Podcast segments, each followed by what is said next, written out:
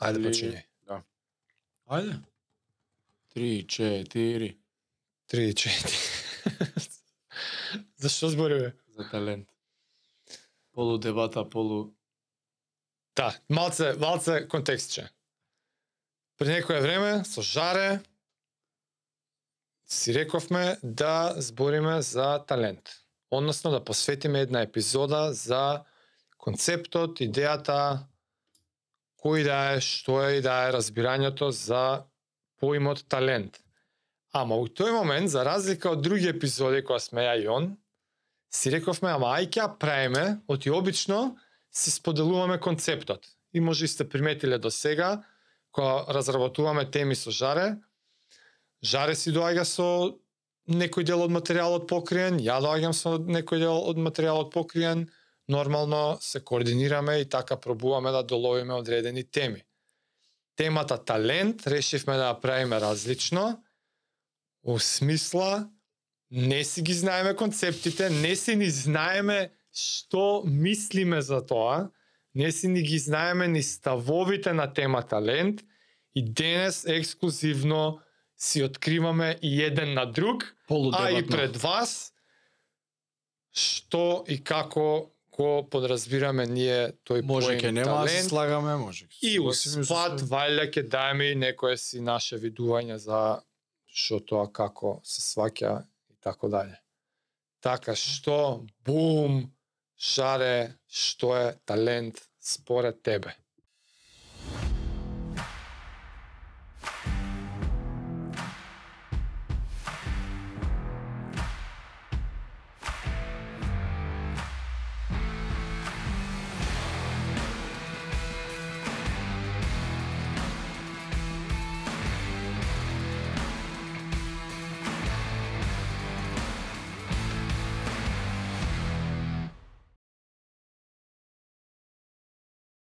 Поред мене талент, се, се менја и мислење во истекот на годините и искуствата што ги имаш.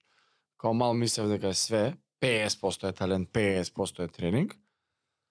Али и книги читање, и низ ресерч, и сваќаш уствари дека И од тебе. талент, да, и од лично искуство и што сум можела да се навратам после читањето на книгите, себе анализата која се направила у главата, како, зашто, у кој период ми било, зашто јас сум бил оној талентираниот у кошарка, жаре е талент, жаре е талент, и мислам дека ми имаат осакатено со тој збор, зашто јас сум си го врзал у крпче, јас сум талент, талент сум јас, што се А уствари, кога ќе се навратам, Јас со баскет спалдинг што ми го купија моите у четврто, пето оделение, кожен, убав, 50 марки од Емилијано, Тачно знам кој. NBA спалдинг, најубавиот баскет што постои. Јас пиев со него, јадев со него, с телевизија гледав со баскетот, идев на кош надвор со баскетот, се враќа прљав, ваков, тако. Јас со баскетот бев цело време. Ја навраќајки се, ствари не сум бил талентиран, ја несвесно сум тренирал по 8 сата на ден, не сакајки. Да. Ние на летен распуст одевме на кош у 11 бајле, тоест у 11 доаѓаа сите, ја одев у 9, зашто толку многу сакав да играм кошарка, да шутирам на кош, да положувам, да давам кошеви, што не сум несвесно сум тренирал, не сум знаел ја за тоа. И ќе доа други у 11 и јас стално со големите сум играл, само мене ме зима од малите. Е, и жаре ќе го земе, зашто добар, разбираш, дете, е, ама А. се држи со големите мало. Тоа е мајлстоун бе. Майлстоне, да. Со Мал, мал со големите Со кој игра, пет како години не. постари од мене и се ти си најслабиот. Како Ти ја не. дава тука још па шутни па ова и физички си многу послаб да. И тука се напредој се ќе навлеземе и тие работи. Али јас сум мислел талент дека е тоа. Те плюкнал Господ, тој си дадено ти е тебе, ти си тој и Джайли Бу. Fixed or uh, Не си ни мислел, така ти така кажале. сум го сваќал, не сум го така. размислувал ја свесно. Јас. сум го сватил као печат. Или си или не си. Или Господ ти рекол ти ќе бидеш или нема да бидеш. Разбираш, од раѓање си или си или не си. А нема врска ти 100 години после тоа што ќе вежбаш, тренираш сати, сати, сати. Аха. Е сега, после читање на книги и себе анализа е преку 30 нешто 32 годишно искуство, сваќам дека уствари талентот е интерес. еден тип на интерес, за тебе да те заинтересира нешто, да ти му се посветиш доволно многу и да ти е цело време интересно и забавно да го правиш исто, за да станеш подоброто. И ствари талент денес од оваа перспектива го сваѓам као интерес за нешто. Дали е музика, А, дали така. дали треба да имаш предиспозиции за нешто? Апсолутно да. Колку скокаш одраз, е тоа е. Така те дал. Убав глас, дали некој има предиспозиции за пеење, дали треба? Да. Дали е одреден процент и тоа? Да. Дали ти некаков тип на моторика имаш подобра од другите деца? Е точно, и тие се некои работи што си едноставно роден и ти се во гените. Или колку ќе така. пораснеш висок. Јас многу подобро сум совладувал спортови, А, детски, шуто дупе умало, фудбал не сум тренирал ја. Па реално тоа сме јаката вештина. Да, али пак фудбал, те, ме разбираш? Да, може би, ама не зна, ја не сум професионален фудбалер. Имало деца од моje мало, што као деца сум бил подобар во фудбал, а денеска се професионални спортисти на тоа шуто дупе која сме играли. Е, Ме разбираш? Е, сега, чекај. Сега јас. Не, не, да, да, него Ајде, да се докажам само е да дали ќе пораснеш, тоа е ба се раѓаш висок низок јеби ga тој ти е генот. Генот уствари е тоа што ги носи некој ков си тип на предиспозиции за ти да си предодреден да негуваш некаков си талент, Да. интерес. Да, до тука е. Е, сега. Се понатака верувам дека си ти. Еве сега Е, твое гледиште. ко прво, исто. Јас сега одговарам, одговарам на прашањето што е талент. Ако земеш да читаш, како прво не ни има унифицирана дефиниција. Нема. Од различни извори различно нешто читаш, што значи open for debate. Секој различно си го сваќа и и покрај тоа тоа е точно нијансата кај што предпоставував дека ќе се Разликуваме? и ствари не знам ни дали е сега разликување тоа, затоа што јас би рекол после моето патешествие дека денес талент е предиспозиција. Точка. Не мора повеќе ако ако треба да да го разглобуваме повеќе, ќе почнеме да влагаме во неточни води. Нема да држи. Добро, е се еден челендж Сваќаш? за предиспозицијата, кој е тоа талент. За шах кој има предиспозиција? Чекај. Е са, се, се јас сакам да го редефинирам сваќањето на, на, на зборот талент, Аха, со тоа добро. што кажувам талент е предиспозиција. Затоа што денес повеќето луѓе кога ќе кажеш талент одма асоцира со врвот на дисциплината, со елитата, со тој што е најдобриот, со тоа е та... не, не, не. Затоа што во истата таа реченица која вие го мислите тоа, сите луѓе, вие, знаете, свесни сте дека тој некој тренирал, вежбал, праел, и, и плюс не го гледате као бебе, го гледате како возрастен човек или дете или што е, Да, ама не го гледаш излезен од мајката сега и значи не. Тоа што вие го гледате као талент, некој свири на виолина на 10 години или Джордан куца од слободни. Кај сака. Сваќаш во истата реченица докато го мислиш ти тоа, автоматски во пакет ставаш тренинг.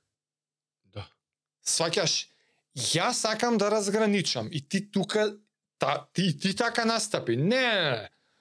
Ако веќе ние у пакет со сваќањето за талент го ставаме тренинг, ама не го кажуваме, не може така. Не, не. не. Не може тоа што е тога е тогаш прашуваш окей тоа што е талент. Е сега ама знаеш ама роден ама он мислеше е тука е сега нијансата. И за да ја разграничам у мојата глава што е талента, што е тренинг, и ти убаво кажа, некоја мешавина од генот, ја тоа го викам предиспозиција. Оти мојата патека па беше контра од твојата. Ти си тргнал со некое си сваќање, дали ти рекол или така си го сватил, јас сум талент и сега за тоа сум толку јак кошаркар. Моето прво соочување со тој концепт беше со атлетика, која после некое време тренирање, ја е, станав за прв пат дали под, подиум, да речеме подиум. Као прв значителен успех Медал се земал. Некое медалче беше на државно првенство, младинско, прво бев втор и наредниот ден бев прв.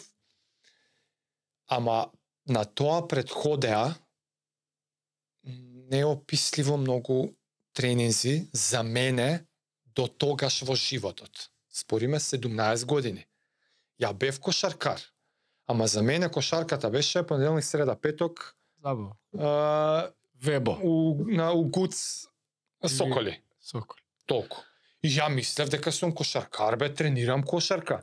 Понеделник, среда, петок, по еден саат, што сакаш, бе. Почињам ја атлетика. Пред школа, после школа. Шамар. Пред школа, после школа. Пред школа, после...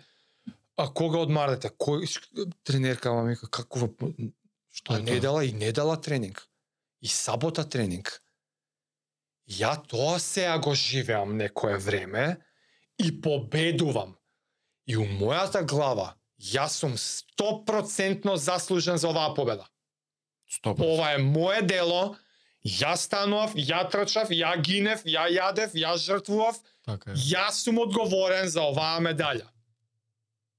Така? Апсолутно. тече животот, ја трчам ко конј, вој трча ко конј. Он победува, ја не победувам.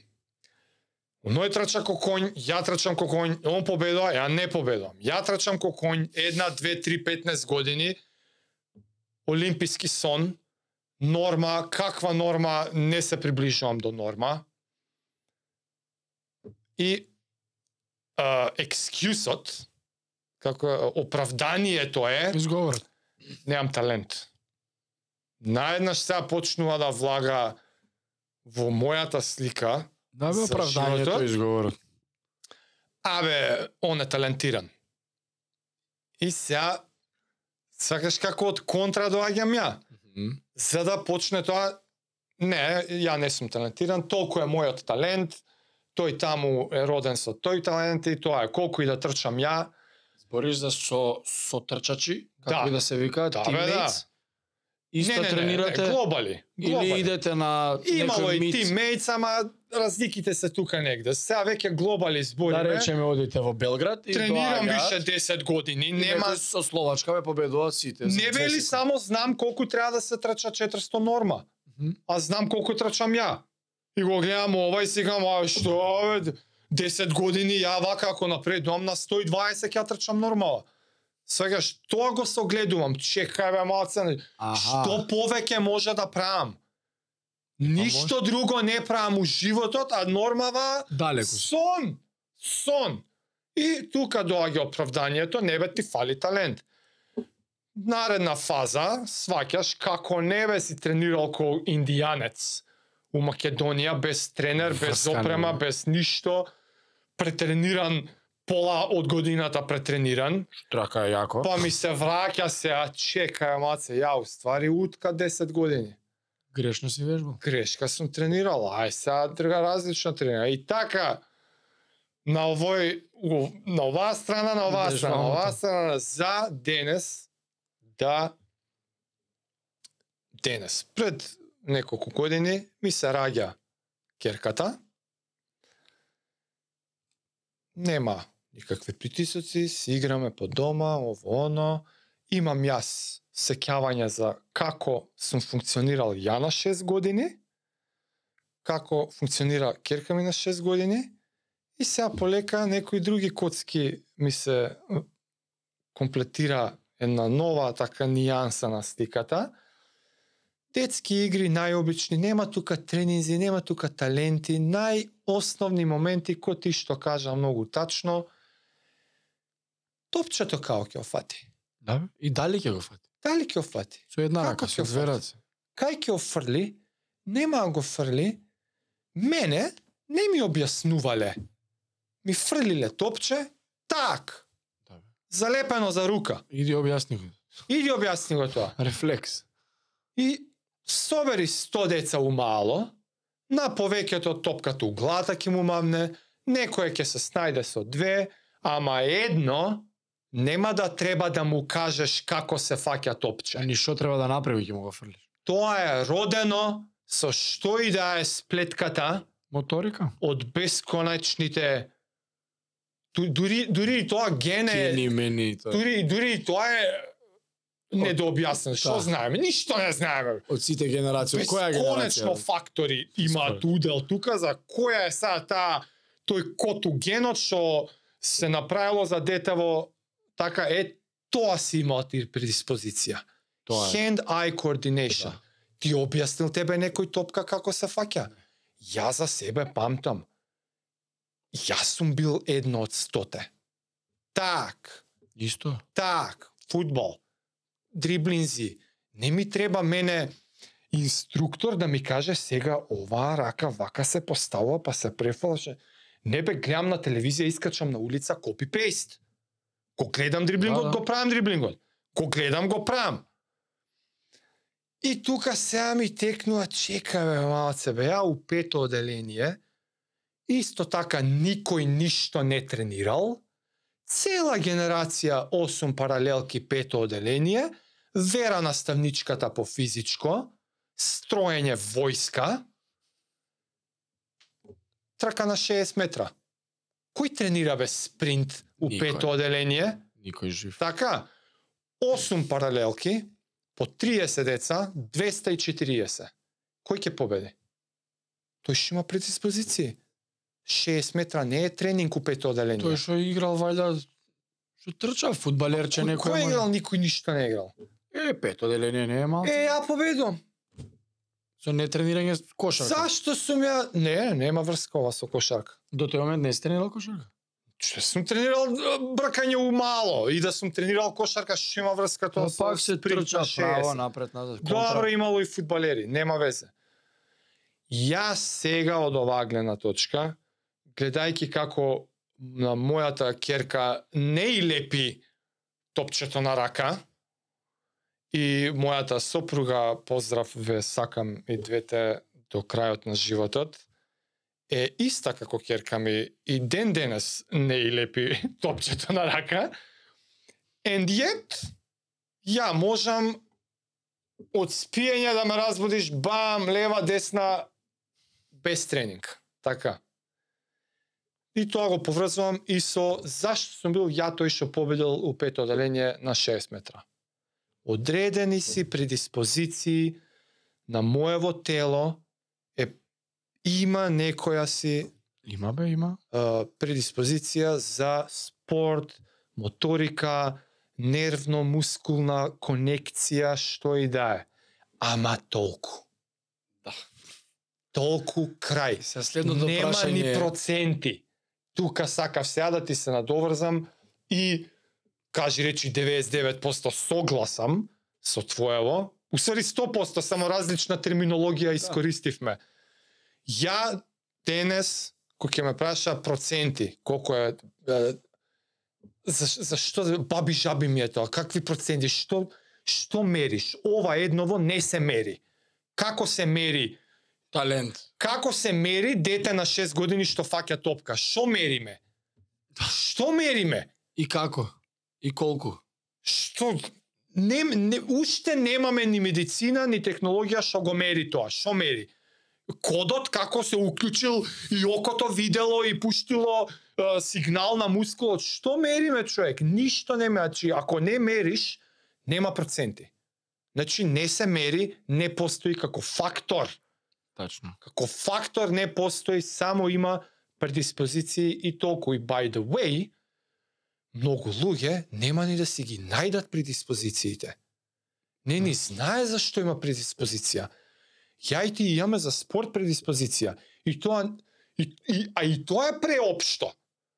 За некоја многу тесна гранка од спорт имаме предиспозиција.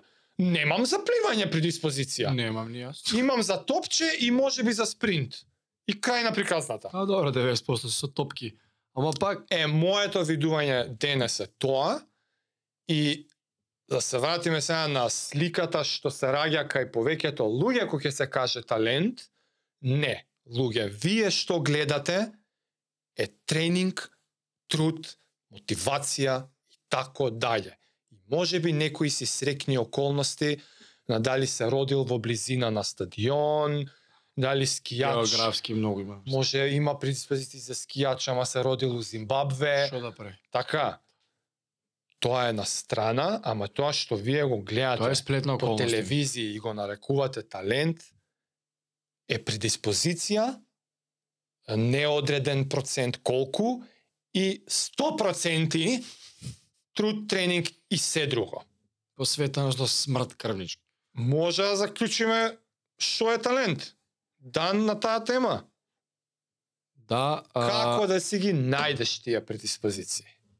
Е се, има една приказка за после Втора светска војна, која некој маđар, заборев како се викаше, Унгарец. Лагло, ла, Лазло, нешто, како беше, Полгер, нешто, не е битно, им се објаснувал у Унгарија, да, унгарец, за талентов. Не, тоа е, или си или не си. И се рачуне после 46-7 година. И овој, не, јас ќе ви докажам дека е све со работа. Не, ево, ај, добро, контра, контра, окей. Се повлекува човек. Наоѓа жена, се жени, вика ќе ја истерам правдинава јас сам до крај, животот го посветува на тоа. У се раѓа една керка. Што е нешто, вика ако е уметност, ако свири, ако пишува, ако слика, ја вика од една година да вика ти давам не за четката, никој не го гледа, како што е случајот со Мгм. Моцарт. А, и она на три години да нацрта некоја слика, ќе го леле колку е талентирано дете, ово, како вака ова три годишно дете, моево три годишно што не збори, разбираш? Арно, ама и со Моцарт била ситуацијата таква, неговите биле композитори. И од Виолина, 8 уракана. месеци, од 8 Да. месеци го труеле, од кога знае да збори дете, ноти учи, не учи зборови, разбираш? До, ре, ми, фа, сол, и како се пишува. И на 3 години, после 2 години и 4 Не е ни со месеци, намера, само ја абсорбира околината. дете е сунгер. И неговите ноти мој, Моцарт напишал, срање, ама нема везе, напишал. И сега до ден денес на 3 години нема врска. Е сега со човеков пример, вика ако е уметник како Моцарт, го кажува за пример, ќе биде талентиран и пак нема да ми го ја што и да направам, пак ќе кажам А, талентиран. он бара што е за да Бара не му што го е мерливо да не можеш да ми го спориш. Шах. Девојче. А, сега више знам примеров. И вика тоа е тоа, еве за тие што не знаат ќе ја докажеме пред Да, да, да. И Ту се раѓа едната керка. Како он, да ја вика, како јас вика не зе интересот за шах, да го направам за она да не се откаже. За може да го истерим експериментот, истина правда. Преку кога дете, нели, не, не сваќа се од точка А до точка Б, него преку игра, преку некои интересни работи, да го направи интересен шахот, да детево доволно се обседне, да се заинтересира и да почне шах. И девојчо почиња Симулира он. Да, он ова е Симулира nurture. да, долгоживотен проект на некој Да, човек со да. своите деца, нели што го прави. И се он симулира да баш nurture, нели што е талент, имам напишано nature versus nurture. Симулира интерес. Симулира nurture, интерес, да. Тоест го симулира ова, да, што го збориме нека талент е интерес. Он вештачки пробува да го да го наметне, нели, али тоа преку игра така, Така, да, да. кој што треба. И а, девојчо сваќа фаќа интерес и почиња ајде да игра шах. Игра, игра, игра, игра и станува некој рекордер таму до 12, 14, 16 години. Човеков има после понатака второ дете. И тоа иста шема, постара оваа керка со неизе багара, джагара, бугара, тралала, тралала, вози и детево, се раѓа и трето дете. Втора уствари била најслаба од трите. Аха, аха. Се раѓа трето дете. Е, таа е. Е, таа е таа. Сега ќе дам уште еден пример со, со Серена и со Венус Вилијамс. Чекај, доврши го. Да, да, да, Третава, за ја ова. прати истава прича. Третава ја прати, значи трите деца негови ги Master. Да, трите деца истиот пат го проаѓаат, интересот ова. Арно, ама третово има оној трешхолд, што го зборевме прошли епизоди, кој што го ја тепаат доволно, ама не доволно за да се откаже, ја победуваат. Има ситни моменти, кај што, еј, он не го видов и шахмат ми напред. Следен пат ќе да и што толку огинот кај нејзе се се зголемува, ја подпалува. Прва стигнува до некој ниво, кај што супер, да, прави и таа е грандместер. На не знам колку години, на 21, не, на 18. Среднава керка, паралелно више се три деца, најслаба, некој шампионка, станува, добива губи и понатака. Лузер. Не е лузер, али? А, не е толку успешна како другите две и понатака пишува у експериментов која ќе ги прашате и семејството и фамилијата на фамилија на фамилијарните пријатели на луѓето, кажува дека ова најмал и интерес имала за шахот. Среднава. Не ја ни интересирало за да се обседне како најмала Јасно, јасно. за да ги стигне е, височините и успехот што она ги постигнала. Наравно, ама најмала оваа била пета, четврта, трета. Не дека била лоша шахистка, али мала се обседнала и станала некој грандмастер, светски шампион таму, да. си ебала мајката, не е важно, отишла во некој височини у полето до крај.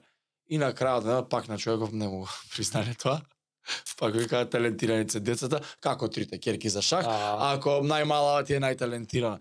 Абе човек, најобседната беше малата. Да. Толку се заинтересира и се помали деца, јас сум помал брат, сакаш да да се докажуваш да, Да, да да. победиш, да ова да она, е па тоа му се случило на дете.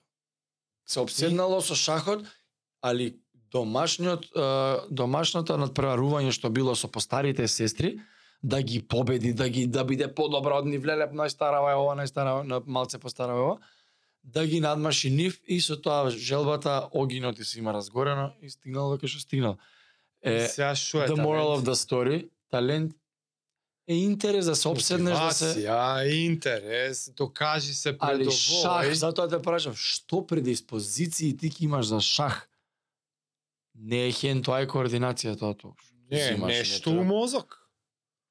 Патерни. Не, да, Памтење, меморија. Да. Меѓутоа шах е ментална гимнастика. Затоа така вика. Е, ја, значи ја памтам оваа цела студија, да не, да не ти текнува што беше што е таткото? Нема врска со шах. Нема врска Нема, со Втора светска војна искача, он вика, бла, бла, интелигентен бла. човек. Психолог Да. валјда што бил. И не знам што беше. Е, се истава прича си ја поврзав паралелно. Филмов Кинг Ричард, кој го нема гледано, домашно, за овие работи. Вил Смит е Вил Смит што е таткото на- таткото за Серена да. и Венус Вилиамс. Да, Венус е постарата, Серена е помалата. да. И се они пет деца. Да. И не може таа фамилија сите Ма, пет деца да се нешто успешни. Све се женски. Све се се женски. Пет керки има во Комптон, во гето во Америка, во LA, мислам, Комптон. Да, LA Комптон. А, кај што нели оние NWA рапери не. А, Easy- Најнесоодветното место за тенис. Најнесоодветно. Два тениски терена има паралелно и толку. Јавни. Се црнци, се дила 99% дрога, се дила дрога, не се ова како се вика одгледуваат, одржаваат терени, Не врска бе јавни онака искршен пола бетон, Да, тука да, точно да. ти скока, те брка, разбираш. Е, овој земал две керки, ке ќе прави тенисерки. Едната му е адвокат, успешен, другата првенец на генерација, не знам што треба да поет. Е, овие две се тенисерки. И Венус и Серена ги зима двете под своја закрил. Нема тоа врдање лево десно, ти ки искачеш ке ова, ке они се они толку им даваат на деца обврски да прават, да се обземат со тоа и да немаат време за глупости да прават.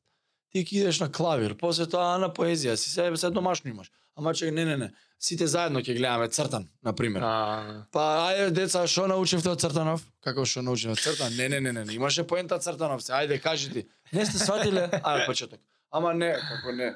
Значи се е тука competition у фамилијава, надпревар. Што свати, како разбра ово, се мора pouка да се излежи. Сам свесно ги терал човеков да со жена му заедно да деца ги направат да ги на прав пат. Има еден многу јак момент у филмот. Се ежам сега кога го, го помислам, која Серена гори цело време. И цело време Венус, Венус, Венус, Венус, Венус.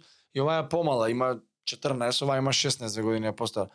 И кога ја носат на тој теренот, нели, за да настапи на тоа први, Да. првиот професионален турнир, малава која гледа, ќе се заплаче, знаеш, кога ќе ми дое редот. Ја вика имам план за сестра ти да биде најдобра на на на светот. Број 1, прва црнкиња што ќе освои Вимбалдон, Да. првата црнкиња жена што ќе биде број 1 на планетата.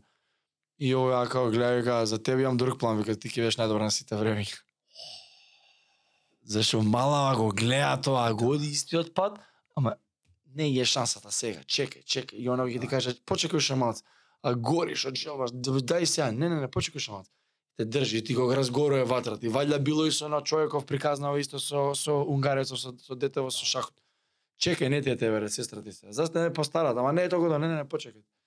Тука оној жар за докажување, најмала сестра, најмало дете. Сега знаеш на што ме и потсеќаш? стварно Сирена е најдобра на сите време.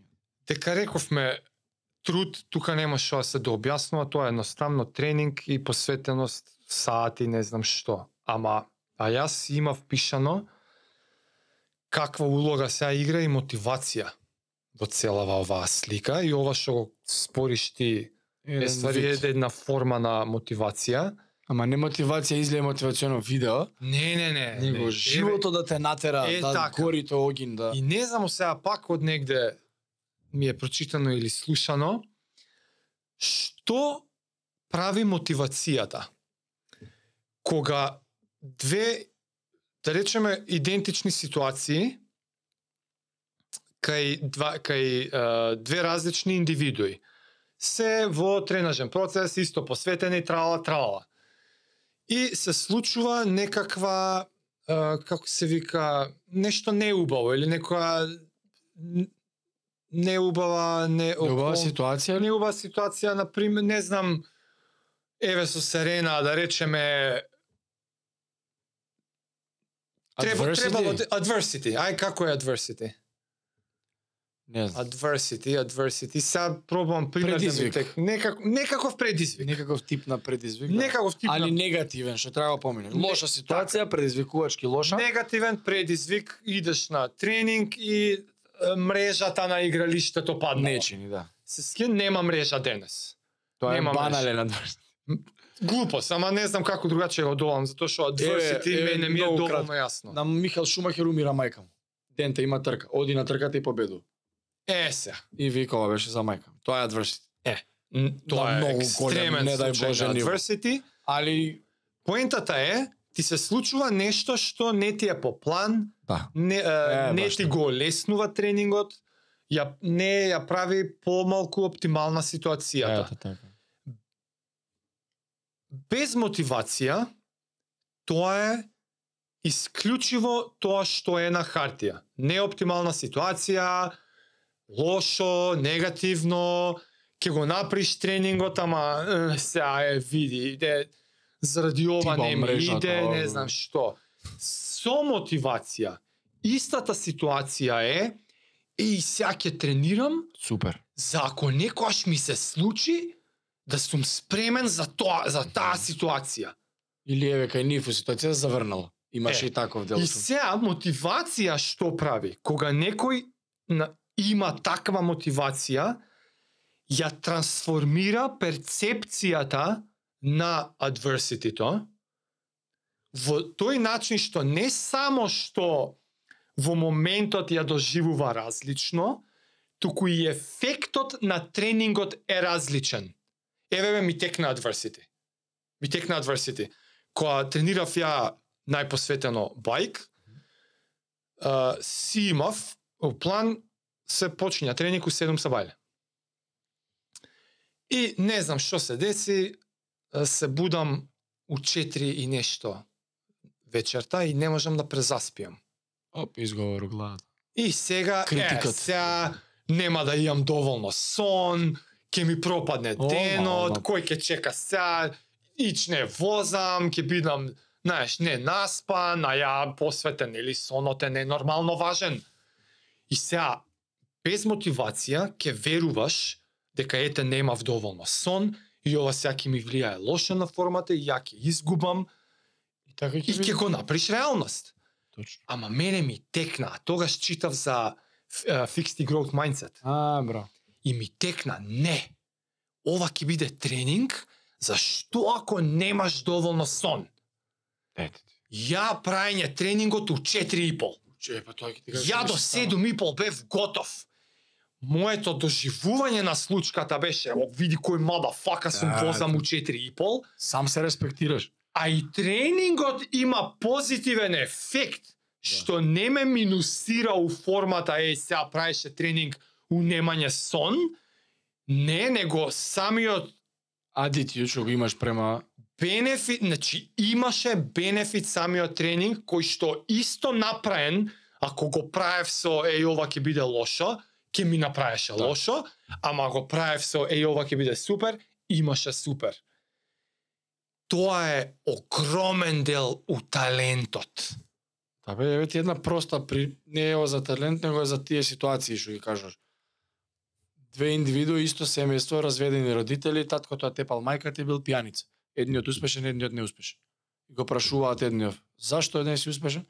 Па ја тешко детство, татко ми ја тепаше мајка ми, пијаница, бла бла, разведени родители. Прашуваат другиот, зашто си успешен? Зашто си успешен? Па многу тешко детство имав, тоа ме мотивираше. Татко ми ја тепаше мајката ми, на мајка ми пијаница беше, не кев да бидам како него, се направив све само да бидам спортивно. Иста ситуација, Иста ситуација. исти хаусхолд, чисто домаќинство, двајца браќа, едниот успешен, едниот неуспешен. Значи перцепцијата на работите е тоа што го менува ствари. И тоа ситуацијата тоа било кај тебе, е, нако не, а чека, е ова, она. Не бе, уште појако, уште потешко. Е па тоа е warriors mindset по стоти пат.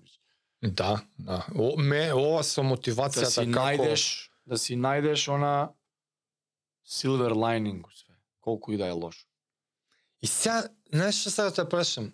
Зборевме за предиспозиции. За, нели, физички си имаш предиспози- предиспозиции за нешто. Овој аспект дали мислиш дека е предиспозиција? Да, да самата индивидуа во таа ситуација помисли така, а не онака. Или е и тоа тоа тренинг или е и тоа еве викаме да си обседнат со тоа, ама да не е и тоа некоја предиспозиција на самиот ум да не бе, не не со тие трите сестри, не. Околноста, environment околината е. Едноставно има биолошки ствари у животот. Помалото дете секад ќе се по- Покомпетитивно ќе се огледува на поставам. поголемото. А, а хиерархија и компетитивност постои во животот тачка. кај ќе За да живееш треба да преживееш. да За да преживееш треба да правиш ствари за да преживуваш. the survival of the fittest Значи Буквално е нема, тоа. значи околност, биологија, ама пак тоа е сплетна околност е, на пример пак е предиспозиција, бе. кој што Да- зборевме оној пат Да, да, мислиш така. тешко детство ако имаш сега дали мора Џокович да удирал у базенот за да повлече од тоа за 20 години понатак и тоа е супер моќ на некој начин ама па кој сака да има кој посакува на своето дете да има тешко детство значи и тоа е фактор еден од Не е предиспозиција, околина е. фактор надворешен што немаш контрола јеби околина е. Околината има контрола. Затоа тука има играат улога идоли, родители, тренери. Да. Од таа ситуација, од и детето или човек што знае тој? Што е посилно од чувството, не ќе ова пак да ми се деси. Дури и да има природен нагон кон негативната интерпретација, а, ако дојде некој и на убав начин, на елоквентен начин, со пример, Те води. го мотивира, го, го направи некоја приказна од тоа, знаеш, некое херојско патешествие, да. кој не ќе да се огледа на тоа, кој не ќе да да има подобра верзија од се. Значи, значи не, повеќе е околината него предиспозиција. А гледај се една работа, и херојот и, и лошиот, вилан, како е лошиот лик, Лошиот лик, да. имаат секогаш, да не речам, исти бекграунд. Да, да. Бетмен и Джокер. Да. Едниот ги изгубил родителите кој мал бил милиардер, Да, бе, од, ги од изгубил истата лоша околност истата потекнува. лоша околност. Од истиот Изгубил- саферинг. Истиот. Овој стана лош, љут на светот. Е, сега ќе видите зашо ова ми се деси. А овој па од друга страна вика, мене ми се деси, сега јас ќе направам да не се деси веќе на никој друг. Истото страдање произведува херој или произведува зло, Буквално. антихерој. Антихерој. Разликата е Противник на херој. околности. Разликата е околности и перцепција на истите. Како јас ако не што што ти кажав, е, не ќе мога више пак да ми се деси најубаво се учи од своите грешки, зашто го ја осеќаш. А најпаметно е да научиш од тугите грешки, за да не се деси на тебе, него е, ој се заеба, добро не го правам тоа. Ама колку е тоа, што е почесто? Што Ама и има подобар печат и влијание? Е, тоа ќе каже, кој ќе што има поише ефект. Кој ќе кажат кој си изгорел на млеко, или- ќе дува и на јогурт. Да. Тамо е изреката, тоа не е Да. измислен, ја не го измислив. Боли. Ефектот не сакам више да ме боли, пак да ми се деси. Знаеш како ти е те мачи, те не можеш да спиеш. Е, Да не ти се што ми текна мене еднаш друго. Читајки за генетика, и негде прилично млад бев кога го прочитав ова, не знаеш колку убаво ми дое.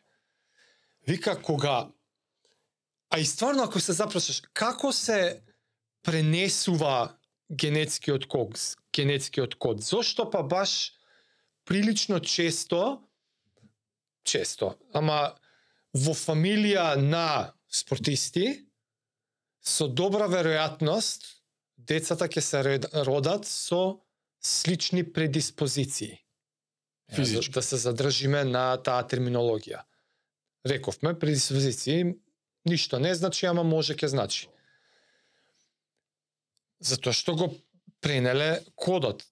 Арно ама во нивниот си животи, значи ти сега додека живееш со таа обсесија, со таа репетиција на праење на некои ствари, со достигнување на тие некои нивоа на надминувања.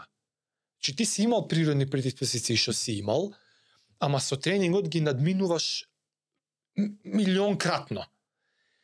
Надминувањата, страдањата, стресовите, само нанесени стресови, тренингот е стрес, психички стрес, ментален стрес, ги пребродуваш, растеш од случките, растеш, го менуваш твојот код, Да. го менуваш твоето ДНК, што го префрлаш понатака. Да. Твојот труд ќе го смени твојот код генетски кој што ти ќе го предадеш на твоето дете. Што значи твоето дете стварно ќе наследи нешто за што ти си заслужен. Зашо се зезаат сите за црнците? Робови биле копале. Како и идните, идната генерација мускулот не им бил вретен. Ја го читам тоа. И само што мојот живот доби поента. Да. Мојот тренинг ќе влијае на, на па готово. Што друго повеќе? Не, значи, и така сваќам дека дури и тоа што од Господ дадено се роди талент, не, Некој рмбал. него е пре, пре, а, наследено од нечиј труд. Ако лежеле сите. Трудот е тој што го менја твојот живот, што го менја твојот код и што твоето дете ќе го наследи. Може би и не, пак ќе кажам, ова е бесконечно комплексна тема, збориме за веројатности, нормално не, не, Све бива. Не тврдам дека знам ни 0,01 од оваа тема, ама ништо од ова не е невистина. Ова, ова е потврдено дека препреките и работите што ти во твојот живот ги правиш, го менја твојот код, кој што после твоето дете ќе го наследи или не. Или ќе наследи, може би и не е црно-бело, може ќе наследи процент, може ќе наследи одреден сегмент од кодот, може ќе наследи и тука е таа бесконечна Може комбинација преку на, генерација на стварите што не ги разбираме, нити наука разбира целата слика. Ама битно, колку е тоа некако wake up да те разбуди, пази што правиш сега, оти може би ќе наследи твоето дете. Трудот е тоа што го прави таа посветеност, таа мотивација, тоа обседнување да се докажеш на сестрите, да бидеш шампион, да имам боли мара... време на маратон утре и до година и до година стресови доаѓаат ги пребродуваш, стресот ти прави да пораснеш, да се адаптираш, а да се адаптираш. Што значи да адаптираш? Си се сменил на клеточно ниво, адаптација си направил на околината за да еволуираш, за детето утре да е спремно со Да. таа промена. Гаш како се некако Ланчан. и, и тука го читам тоа и сваќам и паси се враќам е па талент што е ништо не. Та, талент е трудот на твојот родител. Талент е, например, Федерер за око најубаво игра естетски. И за мене тоа е не се тренира. Джоковиќ не игра толку убаво можеби, али финалниот продукт, резултат е повеќе титули. Имаше ситуација, А, да, да. он сите викаат, оу Федерер, најелегантно, најталентираниот играч што фатил рекет во. За мене тоа е навреда. Го, Е. ама гледаш како се откако зборевме сега го меша терминологијата. Што е нај што дека ти личи убаво На око, на око, што значи Естетски. најталентиран кога го пие од Джоковиќ? како Моцарт кога удира, да преубаво изгледа, не викам не. Многу убаво. Така, ама поубав еднорачен беќе нема, па он како ефортлес ти така игра, па кога да не се поти додека игра. Е, за мене тоа е некој така. се меша, се мешаат термини. Или Меси, кој ќе ја фати ногата. Лепак. Па, па, па, па, па, туп. Тој гол да. Не знаеш од кај како го направио. Роналдо од друга страна се гледа дека е робот, дека е 500 пати повторувано, дека кога престанал да ги тренира слободните удари толку често, не ги гаѓал толку често. А овој ги научува еднаш и како робот, кодот тука е, плоп, засегаш. Пум. Така некој има осет убав, пас, поестетски убаво тоа изгледа. Овој оној стално кажа, Роналдо е работа, Меси е талентот. Имаше ситуација една, не и Меси е работа, али Даде. кога кога еден е можеби тука е онаа трката кој работи по напорно или when talent doesn't work hard, uh, hard work beats talent when talent doesn't work. А, Се случува еднаш у 100 години Майкл Джордан која ќе кажат it was a combination of will and skill. Обседнат невозможно, нереално, талентиран сите предиспозиции на овој свет, заинтересиран за кошарка и нема. И вика Меджик Джонсон, вика, мислевме ја и Лери Брд дека тренираме многу по 8 Да. сата, Джордан доја, ја по 12. Како а ти по by 12? the way, и по не толку предиспозиции подобар. талентиран Джордан. Не, по по добри предиспозиции. По вештини, по ова по не бил толку нешто многу спешал. И у хај скул и Е, а жив ми атлетицизам што имал. атлетицизам. Го. На пример, Ама- не ти докажав за Роналдо ситуацијата со Меси 2015 и 16 година Меси имаше 4 балон диора или 5, Роналдо имаше 1. Од од Роналдо освои 2009 и Меси освои 5 пари. И 2015 доаѓа Роналдо зима. 2016 доаѓа Роналдо зима. Се приближува. 17 дојде не сум сигурен дали зема Роналдо или Меси, па Роналдо па го стигна, па беа тука негде 5-5 беа 5 балони, па Меси после избега пак. И у тие 2-3 години кога Роналдо зимаше 15 и 16, Реал Мадрид кога осваја Лига шампиони три пати поред, тука ги зема Роналдо. А, му рекол Чави на еден тренинг на Меси, ало не си игра играчки, овој те стига, разбираш. Тука те со играчот те гледам дека се заебаваш, си играш кур, не тренираш колку што беше порано. Се задоволи, Вау. се задоволи со постигнатото. Овој психопатов не застанува. Значи Меси талентираниот од Господ прекинал толку многу да се замарал. Не, не, не, дека Меси не на тренинг и А. пиел од диско цигари пушал. Да, она ноч, она една брзина, так так од четврта у трета, у пета у четврта врата. Овој Болниов не престанува. Се враќаат до 4 сабајле слетуваат у Мадрид. Ги зима физиотерапевтите, петорица го масираат, четворица од еднаш го масираат. Sure. Ги зима еден една нога, да не се губи време, нема што како ми. За 20 минути масажа од саат и. Стварно, да. И он иде и трпи, нема вези. И да и ги зима, ајде, со мене. И Модрич го река, Рики која беше Лига шампиони да гледа во Киев, нале? Со тој Иванчич, Матео Ковачич и Иванчич на иста улица се растен. И му се јави на Вибер, Ковачич, е, брате, брате, ајде, карти, дабе, ќе ви обезбедам, не е фрка. И од Израел, они отидоа во Киев, 2000, бе, задње, Ливерпул кога освои Реал Мадрид со Ливерпул, пред задњата на Роналдо. Бел со маказите кога го дава тој гол. А, и оние гледаат лайв. Му се јава, ајде дојдете ви у хотел. У лоби саат време со Ковачич. Cool. И на Рики му поклонува мајчка Реал Мадрид тренинг шерт. Се смееме до ден денес мириса на парфем, вика мајцата на сто пати. јам. и нема везе им кажал Ковачич уствари бе, ај кажи за Рамос, За... кажи за Роналдо. Роналдо вика нема таков, нема. Тоа е и сите играчи зборат. Ја и Модрич вика као Модрич, Модрич, кој знае колку тренира Модрич, замисли си ти, исто е Моцарт на фудбалот, многу убаво игра. И гледаш Моцарт као така го даваат као дарба. и му викал Роналдо завршуваме вика 4 сабајле, ги зима тие батките со него на масажа, си оди дома у 6 станат.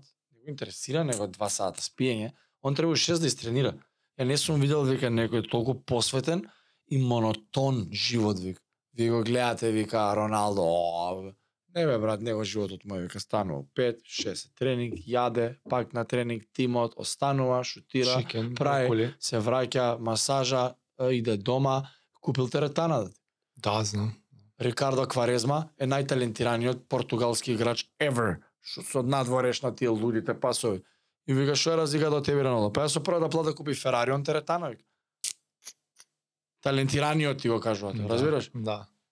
Значи, и оние кај што е талентот и овој што работи, пак овој ако малце спушти талентот не те вади од гомна. Талент е као деца. До 12-13 години ќе се вадиш. Некој е повисок, малце побрзо фаќа топката, баскет, моторика, техник, Кој ќе дое више 6, 14, 15, 16, сериозниот тренинг. Зашо ние македонците секогаш до 16 ме лудило у да спортуваме? Зашто од 16 нагоре професионалците не ни се кој што треба да се? Нема кој да ги тренира, нема кој да им каже што и како треба да тренираат, Нема кај да тренира. нема каде, нема инфраструктура, услови, нема каде да тренираат. Ало топки немаше баскети до пред некое време. Не заебај, значи сме со излижани баскети кога деца сме тренирали. Ма пак сме иделе, разбираш? Значи како Македонија до 14 години се лудило талентирани сите. И најдаш од 14 не сме више талентирани. Е па не е да, Кај е талентот. талентот? Значи кога треба да се работи, не работи. Кај е талентот? Кога треба да те насочи некој мене, сите тренери ми викале батич талентот, батич талентот. Не сакајки тоа сакато е, кој талент бе дечко, и бутови бе, која кошарка не пораснав. Ја не сум бил талентиран за кошарка, кој предиспозиции ги имам за кошарка? Да. Ќе ме видиш што е смешно. Не не лича со рамењето така бате. А, Да кажеш дека за олимписко дигање тегови има предиспозиции, има да. Абе, ако збориш ова и... Али и ја не сум бил талентиран за кошарка според твојата теорија, така предиспозиции. Кои предиспозиции ги има за кошаркар бе? Си го видел Војдан Стојановски, Дамјан да, како да, личат? да, да, да. Тенки нозе, убаво тоа тенко. Апсолутно. Роден кошаркар. И, абе види, можеш да имаш 10 пред- предиспозиции од потребните 100, можеш да имаш 90 Тоа е од потребните 100. Ти имаш hand-eye coordination. Да, е. Камо метари 90 минимум. минимум. Така. Камо скочност метари 20. Каде долги прсти? Да, камо да фаќаш баскетот, да. Значи, сега имаш предиспо- предиспозиции за нешто, имаш и поише, предиспозиции имаш и поише, имаш и поише. И за тоа тоа е толку Джордан Леброн. прво што не може да се прво што не може да се квантифај, не може да се квантифицира, Да, не може. не може да се да се мери. стави во една рамка. не тоа. може да се мери за уопште да биде релевантно. И за тоа е нерелевантно. Затоа затоа е вечна дискусија и дебат. затоа толку можеме само кажеме преди- предиспозиции толку. И без тренинг после чабе. Еве, ти ја што јам запишал. Тука Майкл Джордан commercial. Рекламата. I made you think that it all started at the free throw line. А, Кога јас бев дома, I made you think дека every game winning shot I, I shot I made. да. Вика, "May- or maybe you're just making excuses. Така да. Не, па вика не, на крај, maybe. I ruined the game, or maybe you're just making excuses. Да, да. Така Е, да. тоа ќе кажам, неколку пати на неколку наврати како збориш за талент, па не знам, дали се подсеќаш на оноа fixed mindset и growth mindset? Истото е.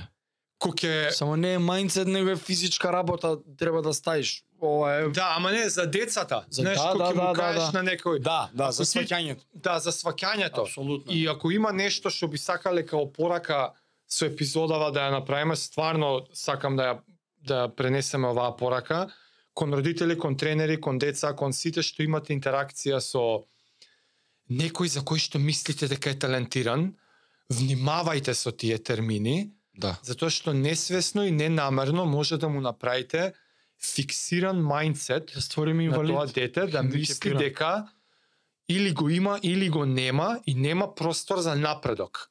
А најлошата работа што може да се направи за било кој човек без разлика спорт, професија, уметност, музика, што и да е, Возраст. возраст, фаза, па и општо живење е да мислиш дека не може подобро. До тука е.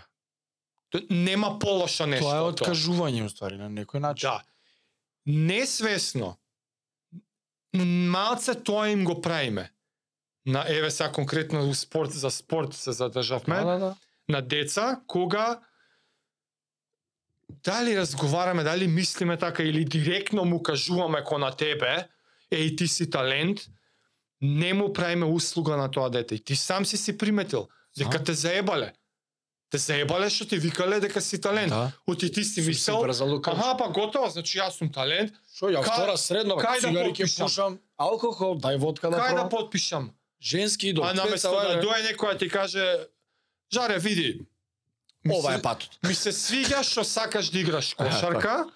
Ако сакаш да си тоа што си, што си замислил, еве ти друже, 8 сата секој ден обсесија. И Ко татко му на небојше што му кажал на него. перфектно, перфектно, валидно е и да одбереш, а па да, не икам. Како шо не со тени со татко му? Нема ништо лошо тука. План А, ова е патот. План Б, Ама Ова е немој да мислиш дека со талент ќе постигнеш висини. Крај. дури не е ни фактор некој. Контра услуга. Пред некој ден читам за. Дженаро Гатузо. Кој ќе каже он дека е добар фудбалер, Гатузо од Милан. Сите го играат Гатузо колјачот. Иде и ти Да, влага да, да. со две. Тоа му беше работа. Тоа му е- Денис Родман. Тоа му беше работа. Значи, не, Скока не треба ни талент некад. И вика мене у Глазгов ми нудат а, како Гатузо станал уствари уште тоа и ќе затвориме епизодата како финал. Вика мене у Глазгов Рейнджерс ми нудат премногу богат договор. И татко ми ми доаѓа, вика мора да одиш. Јади да му Шкотска ти не си нормален. Тоа се пари што јас за три животи не можам да ги заработам што ти во еден договор ќе ги земеш. Те молам оди во Глазгов. Нема теорија. А он играл у Перуджа, негде у Италија, разбираш? Не, Перуджа моти. Да потпиши ги те залепа мен. И мора, вика, татко ми ќе неме тепа. Вика, дете, идам у Глазгов. И за две недели бев по шкотланѓанец од шкотланѓанците. по шкот од шкот, шкотланѓанците- бев. Зашто? Таму вика, отидови, сватив што ствари треба. 8 сата на ден. Трче, работи, тоа. Теретана. Вика, немаме тренинзи, нема врска, е у теретана. И вика ми рекоа колку си е, имаш предиспозиции на, тере, на средина да трчаш, да стигаш топки, каде што шкотска фудбалот многу физички захтевен. М. Не се некои зналци, ама се она со срце, знаеш, гине за секоја топка. И тоа ми го врежа во глава. Значи, гледа колку битен момент. Тоа ми го врежа во глава да бидам борбен.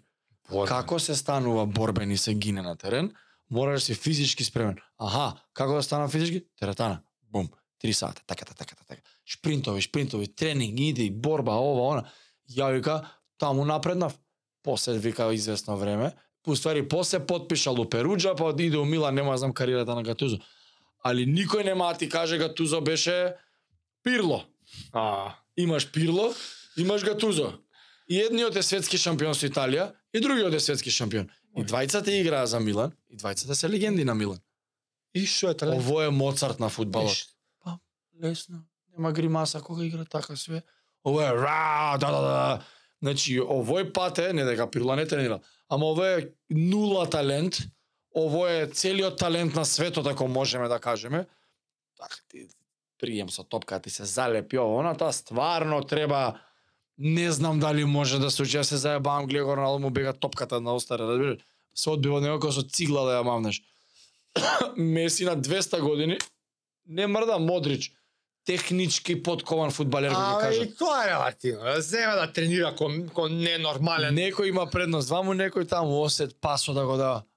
Ама не, тоа дека ти не е изговор за да не успееш во некој спорт што сакаш да почнеш. Тоа сакав да го. Да, и мене ми текна Не сега е една- изговор. Е така, како контрареплика за ако некој случајно има прилично контрастав на нашето и да речеме верува у таленти Ете, пробај. и кај да е. Сега ми текна таа контрареплика ми било Океј, ти веруваш у талент, различно различно видување имаме. Мојата мојата порака е без труд и тренинг нема ни да дознаеш колку си талентиран. Ако не го гаиш талент. Без труд и тренинг нема ни да дознаеш колку си талентиран. Дури и да веруваш дека си, како ќе знаеш колку си? Ама ова не е теорија, ова е црно и бело, не е верувал, не верувал. Вака се работите.